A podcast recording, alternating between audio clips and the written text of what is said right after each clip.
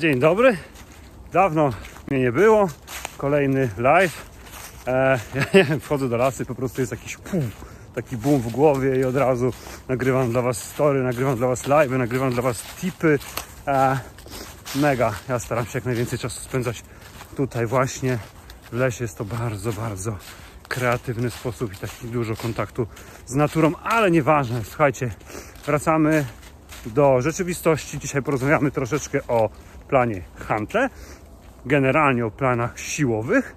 Przedstawię Ci kilka cech takiego zalet, takiego planu, ale też nawiązując do tego zacznę od tego, co się dzieje na grupie, na, pod, na grupie podopiecznych, bo tam się dzieją niesamowite rzeczy, a przede wszystkim tu nie chodzi o jakieś spektakularne metamorfozy, bo zawsze mówimy, mówiłem, tu, tu nie chodzi o zdjęcia, że ta zrzuciła 30, ta 20, wow, w 6 tygodni e, mam kaloryfer, super posiadki brazylijskie. No nie, nie. Szanujmy się, szanujmy innych, doceniajmy pracę innych i to będzie, to jest nasz największy sukces. Trenujmy mądrze i bądźmy coraz bardziej świadomi, tak? I właśnie o tej świadomości bardzo chciałem porozmawiać, bo jest niesamowite, jak się to u Was zmienia, tak? Bo większość z Was, dołączając do planów, chce schudnąć, wysmukić nogi, no coś tam, czasami jeszcze coś tam o kondycji. Ktoś powie, że chce, żeby była lepsza kondycja.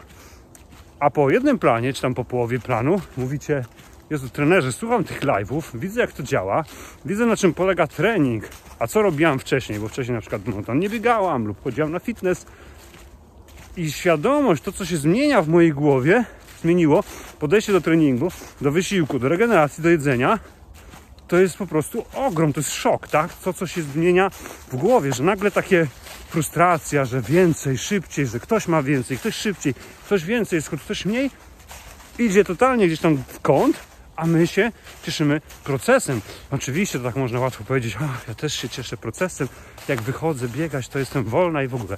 Tak, ale wychodzisz, masz jakieś założenia, tak, efekty, cokolwiek, chcesz do czegoś dążyć, tak. Fajnie jest to wszystko robić oczywiście mądrze, bo to nie jest, że ja sobie raz w tygodniu wyjdę i to mi coś da.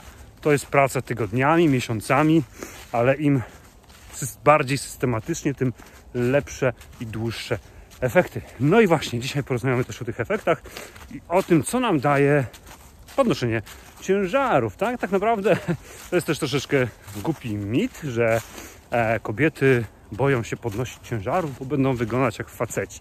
Szczerze, nie znam żadnej kobiety, która wygląda jak facet, a chyba, że się zapuści bardzo, no to może tak, nie wiem. Ale generalnie o co chodzi? Wiem, kontakt treningowy naprawdę z ogromną ilością kobiet.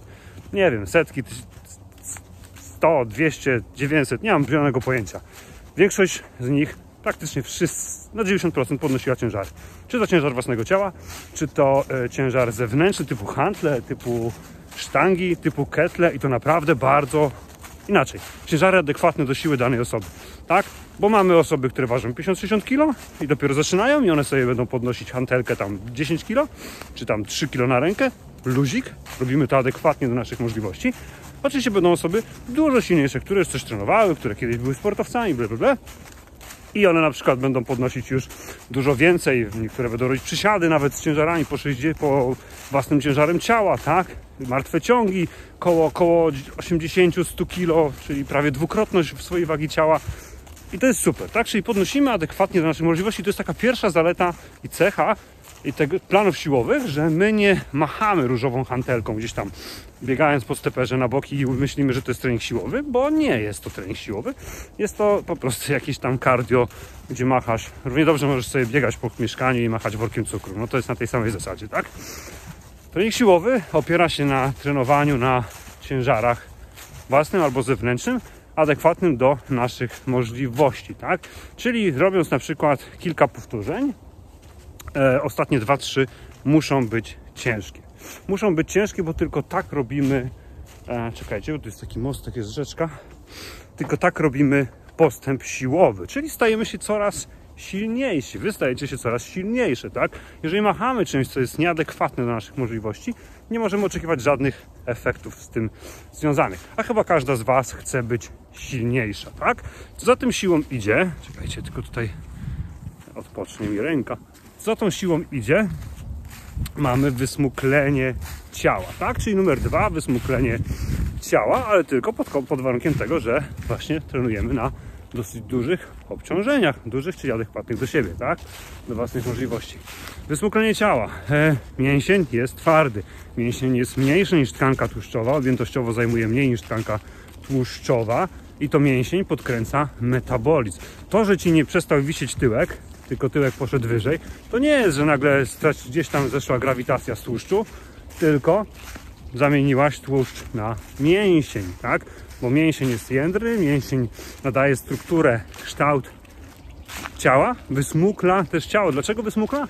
Bo im więcej mamy tkanki mięśniowej w naszym ciele, tym większy mamy metabolizm spoczynkowy, szybszy metabolizm.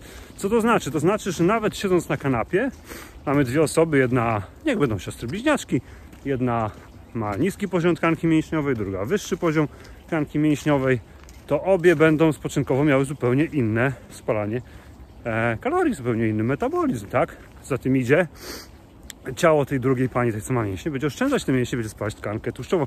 Czyli przyjęło się mówić, że będę, moje ciało będzie jak taki piecyk do spalania tkanki tłuszczowej, co zresztą wy potwierdzacie, osoby, które już są na którymś tam planie i mają jakby w historii jeden, dwa plany siłowe, że to sobie tak fajnie e, idzie właśnie do przodu, tak? Czyli, czyli, przepraszam, czyli mamy wysmuklenie ciała, które czasami może nie iść e, z wagą, tak? Bo jeżeli mamy na przykład 1-2 kg do zrzucenia, e, to możemy sobie podnosić te ciężarki. One będą spalać na tkankę tłuszczową. Nasza waga na przykład stanie w miejscu, a spadniemy z jednego rozmiaru w dół, co jest dosyć częste. Bardzo często widziałem osoby, które miały niewielką nadwagę albo nie miały tej nadwagi, ale uważały, że mają tą nadwagę i po prostu podnoszenie ciężaru spowodowało, że wysmukliły ciało, wzmocniły ciało. W żadnym wypadku ciało nie wyglądało jak u faceta. Przynajmniej żaden mąż mi się nie skarżył tej pani, a wręcz przeciwnie.